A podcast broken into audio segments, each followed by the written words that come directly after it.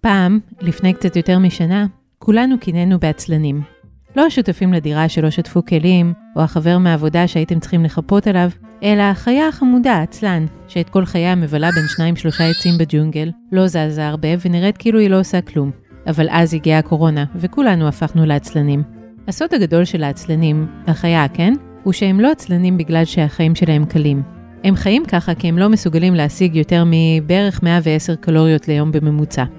לכן הם חייבים לחיות בסגנון חיים מאוד חסכוני. לא שהם לא רוצים לעשות יותר, הם פשוט לא יכולים להרשות לעצמם.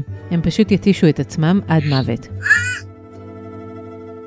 היי, אני גלי ויינרב, ואתם על הפודקאסט חזית המדע. בכל פרק נשמע סיפור אחר על הטבע שלנו. היום נדבר על העצלנים. לא אתם עצלנים. החיה, עצלן. הדוקטורים למינימליזם של הטבע.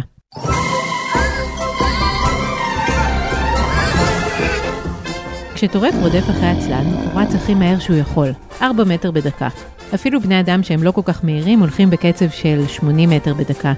אם תסתכלו על עצלן כשלא רודף אחריו כלום, בטח בקושי תצליחו לראות שהוא זז, או שתחשבו שמישהו שם את העולם על הילוך איטי, וזה מוזר כשחושבים על הגודל שלהם. זה לא איזה חילזון. אז למה הוא לא רץ יותר מהר? הכל בגלל הרכב האוכל שלו. העצלן חי מתזונה דלת אנרגיה של עלים חצי רעילים. קשה לעצלן להשיג את העלים וקשה לו לעכל אותם, אז הוא לא יכול להרשות לעצמו להוציא הרבה אנרגיה. בגלל זה הוא חי חיים מאוד קטנים. נוצרה לו תדמית של יצור מפונק, אבל למעשה הוא דומה יותר לאדם שלא מצליח להרוויח כסף כי הוא לא מצליח להשתדרג בעבודה, ולא מצליח להשתדרג בעבודה כי הוא לא מצליח להרוויח כסף. ביצה ותרנגולת. אבל לא צריך לרחם עליהם. העצלן הוא לא יצור מסכן. מבחינת האבולוציה הוא סיפור הצלחה. רוב המינים של העצלנים שקיימים היום הם לא בסכנת הכחדה. עצלנים קיימים כבר כ-64 מיליון שנה, וכנראה ימשיכו להתקיים עוד מיליוני שנים. האסטרטגיה הקמצנית-חסכנית שלהם הביאה אותם יחסית רחוק בתחרות ההישרדות. הם סוג של אלטרנטיבה לאורח החיים של רוב היצורים האחרים בעולם שלנו, שנולדו לרדוף אחרי כל מיני סוגי סיפוקים. מזון, מין, קשרים חברתיים, גירויים חדשים. רוב בעלי החיים מעבירים את החיים שלהם כציידים או כניצודים, ברדיפה או בבריחה, הם עשויים לעבור אלפי קילומטרים כדי לחפש אוכל, לברוח מתנאי מזג אוויר, לחפש בני זוג או להמליט בתנאים אידיאליים. לא העצלנים. הם חיים את חייהם במצב חיסכון בסוללה.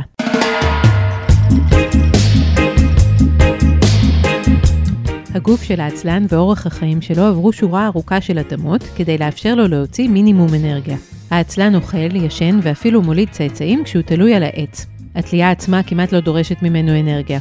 הזרועות הארוכות שלו לא ממש אוחזות בעץ, הן בעצם כרוכות סביבו, והעצלן תלוי מתחת לענף כמעט בלי מאמץ. לפעמים, כשהעצלן מת, הוא כרוך סביב הענף כל כך חזק שהוא בכלל לא נופל מהעץ. זאת אגב טקטיקה שעוזרת לו להילחם בציידים בני אדם. אם כבר עצלנות, ציידים רגילים שכליאה טובה למטרה תגרום לחיה ליפול עליהם משמיים או מהעץ. העצלן נשאר תקוע על העץ. למי יש כוח לטפס לשם להביא אותו? כבר עדיף לכוון לחיה אחרת. כשהוא לא כרוך סביב ענף של עץ, העצלן זז בין הענפים לאט. התנועה שלו לא שונה בהרבה מזו של יונקים אחרים שעוברים מענף לענף. רק הקצב אחר. החוקרים בדקו את התנועה הזו במצלמת רנטגן וגילו שהסוד הוא בזרועות הארוכות מאוד של העצלן ובעצמות הכתפיים הקצרות יחסית, שהשרירים שלהן מאוד גמישים. מיעוט השרירים חוסך באנרגיה. יש להם 30% פחות שרירים מאשר לחיה ממוצעת באותו הגודל, אבל הידיים הארוכות מאפשרות טווח תנועה רחב. והם חזקים בסופו של דבר. איך אפשר להיות חזקים עם מעט שרירים? אצל העצלנים, העניין הוא כמו תמיד, לרכז מאמץ רק במקום שבו הוא נחוץ. רוב השרירים שלהם מרוכזים בזרועות, ובאזורים אחרים בגוף הם די רופסים. חוץ מזה, השריר בזרוע מותאם למשיכה, וכמעט שאין לו כוח בכיוון ההפוך בדחיפה. הרי כמעט שלא יוצא להם לדחוף משהו. כשקר מאוד או חם מאוד, העצלנים זזים עוד פחות מהרגיל. גם זה חוסך אנרגיה. הם לא צריכים לחמם את עצמם או לקרר את עצמם כל כך, קצת כמו ציפורים וזוחלים בעלי דם קר. ולמרות שקוראים להם עצלנים, הם לא ישנים הרבה, 8 עד 10 שעות בממוצע בלילה, לעומת 20 שעות אצל הקואלה, עוד בעל חיים שניזון מעלים בלבד. גם אריה זכר ישן 20 שעות ביממה, ולוויה בערך 15 שעות. ככה גם חתולים אחרים. העצלנים לא ישנים הרבה כי הם צריכים לבלות הרבה שעות ביום בתנועה כדי להשיג את האוכל. פשוט התנועה הזו איטית ומחושבת מאוד. אז לילה טוב, מר עצלן. באתר העמותה הבריטית למען שימור העצלנים, מסבירים שיש כל מיני חיות שמבססות את התזונה שלהן על עלים לא מאוד מזינים. הקואלות הן כאלה, כבר אמרנו, גם הפנדות, אבל הם פשוט אוכלים הרבה מאוד עלים. העצלנים לא יכולים לעשות את זה, כי קצב העיכול של העלים הספציפיים שהם אוכלים הוא איטי כל כך, שהם כל הזמן מלאים. מהרגע שהעצלן אוכל עלה ועד שהוא יוצא לו סופית מהגוף, יכולות לעבור 157 שעות עד 2,000 שעות. אצל בני אדם, אם תהיתם, טווח הזמן הזה הוא עד 50 שעות. זה לא קשור לעצלנים, אבל זה נחמד לדעת. אז עצלנים לא יכולים לפצות על הערך הקלורי הנמוך של העלים באכילה של הרבה יותר עלים, כי הם כל הזמן מלאים, כמו שאמרנו. ברגע נתון, תכולת הקיבה של העצלן היא בערך 37% מהמשקל שלו. לא כל העצלנים אוכלים רק עלים. יש מינים שמוסיפים לתפריט פירות וחרקים קטנים, אבל העלים שהם אוכלים קשים לעיכול. הם צריכים להעביר אותם דרך ארבע קיבות, כמו אצל פרות, ושם הם מטופלים לאט-לאט על ידי בקטריות שמפרקות אותם. רק אחר כך הם מעוקלים על ידי מיצי הקיבה. זה בעצם המפתח להבנת קיומו של העצלן. הרכב העלים קובע את קצב העיכול האיטי. בגלל קצב העיכול האיטי לא ניתן לאכול הרבה עלים, ואם לא אוכלים הרבה, אי אפשר להוציא הרבה אנרגיה. התוצאה, עצלן. קצב העיכול תלוי בחום הגוף של העצלן. אם הוא בשמש, הוא יעכל מהר יותר מאשר בצל או בקור. מכיוון שהם לא מסוגלים לחמם את עצמם, לפעמים בתקופה קרה ממושכת, עצלן ימות מרעב אפילו שהבטן שלו מלאה, כי הוא לא הצליח לעכל את מה שהוא אכל.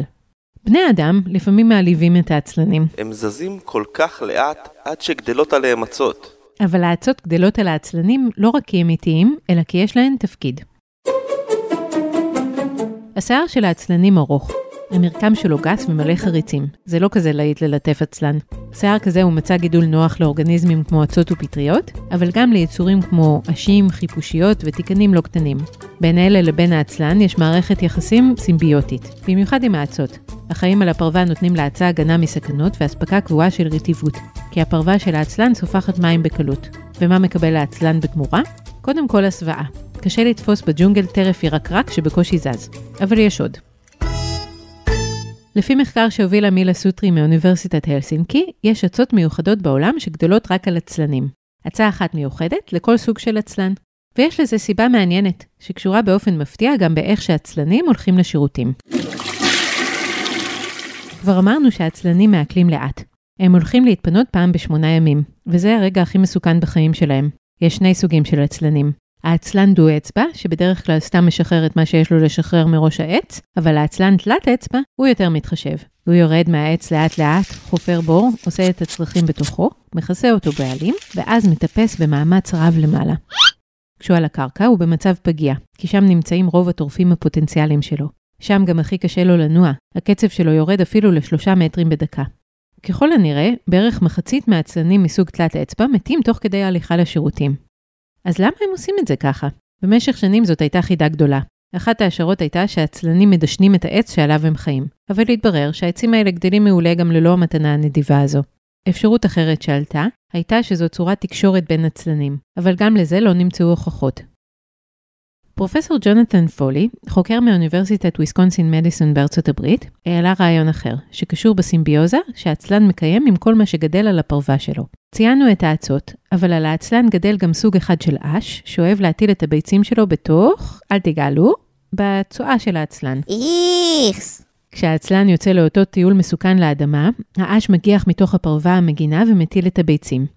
אם העצלן תלת אצבע היה משחרר את צרכיו כלפי מטה מהעץ, האש לא היה מספיק להתחפר בצואה ולהטיל ביצים. כשהביצים האלה בוקעות, יוצאות מהן זחלים שהופכים לאשים, שעפים למעלה לתוך העץ, מוצאים את העצלן ומתחברים אליו. אבל ההתחפרות בתוך הפרווה הורסת את הכנפיים שלהם, והם הופכים שוב תלויים לגמרי בעצלן.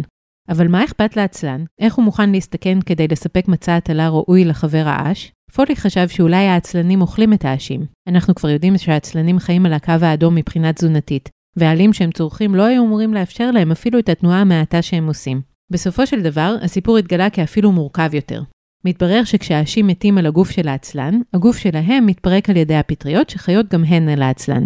הפטריות האלה מייצרות חנקן, והאצות שחיות על העצלן צורכות את החנקן הזה. העצלן אוכל את האצות, ומשלים רכיבי תזונה חיוניים שהוא לא היה יכול למצוא בעלים שלו. ובאמת נמצאו שאריות של אצות בקיבה של עצלנים אחרי מותם. אז בגלל זה העצלנים יורדים מהעץ כדי ללכת לשירותים, ובגלל זה חיות אליהם אצות.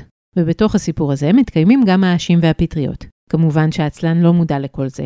הוא רק יודע שזה מגעיל לעשות מראש העץ. זה די גורם לחשוב איזה מערכות אקולוגיות גם אנחנו מקיימים בזכות כל מיני התנהגויות שלנו, בלי לדעת את זה בכלל.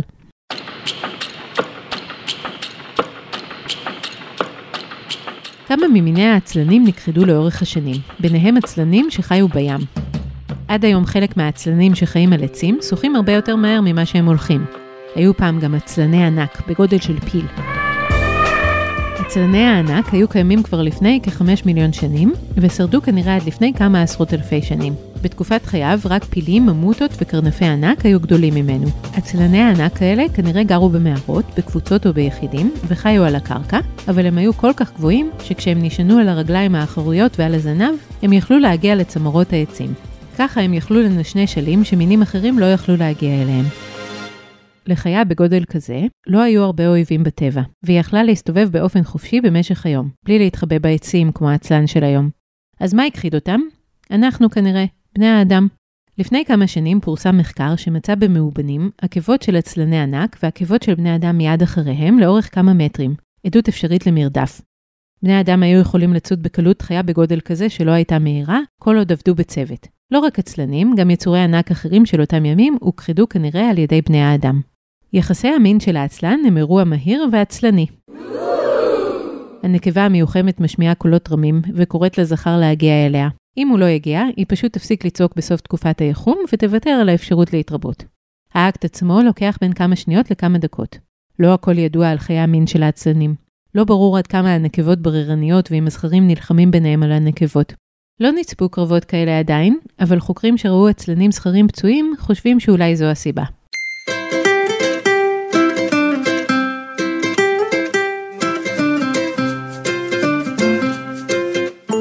ההיריון של העצלנית נמשך בערך חודשיים אצל התלת אצבע ושנה אצל דו אצבע. בכל הריון נולד גור עצלני אחד. הגורים נשארים קרוב לאימא ותלויים בה ועליה במשך חמישה חודשים בממוצע. בתקופה הזו הם מפתחים בין היתר את משק העשים פטריות עצות על הפרווה שלהם, שהם צריכים כדי להתקיים. הנקבות מטפלות בגורים, והן ינסו להרחיק טורפים, אבל אם הגור ייפול חלילה מהעץ, הן לרוב לא ירוצו למטה כדי להרים אותו, למרות שזו סכנה משמעותית לגורים. נראה שהאם מחשבת את המחיר של הירידה הלא מתוכננת מהעץ, ומבינה שאין לה מספיק אנרגיה לרדת ולעלות חזרה עם הגור. לכן, היא אפילו לא מנסה. בני האדם דומים לעצלנים. למה אני מתכוונת? למטאבוליזם האיטי יחסית שלנו. לא כל כך איטי כמו של העצלנים, אבל די איטי בממוצע. בני אדם, וגם קופי אדם אחרים, צורכים 50% פחות קלוריות מיונקים אחרים, או לפחות אמורים לצרוך. יכול להיות שהמטאבוליזם האיטי מסביר איך בני האדם מתבגרים כל כך לאט יחסית ליונקים אחרים, ואת החיים הארוכים יחסית שלנו. אנחנו חיים יותר מכלבים ומחתולים לא רק בגלל הרפואה המודרנית. גם קופים אחרים חיים מעל המצופה מיונק בגודלם. נראה שככל שיונק שורף יותר אנרגיה, כך מתרחשים בגוף שלו תהליכי בלאי רבים יותר. בבני אדם וקופי אדם, התהליכים האלה מתרחשים לאט יותר. העצלנות משתלמת.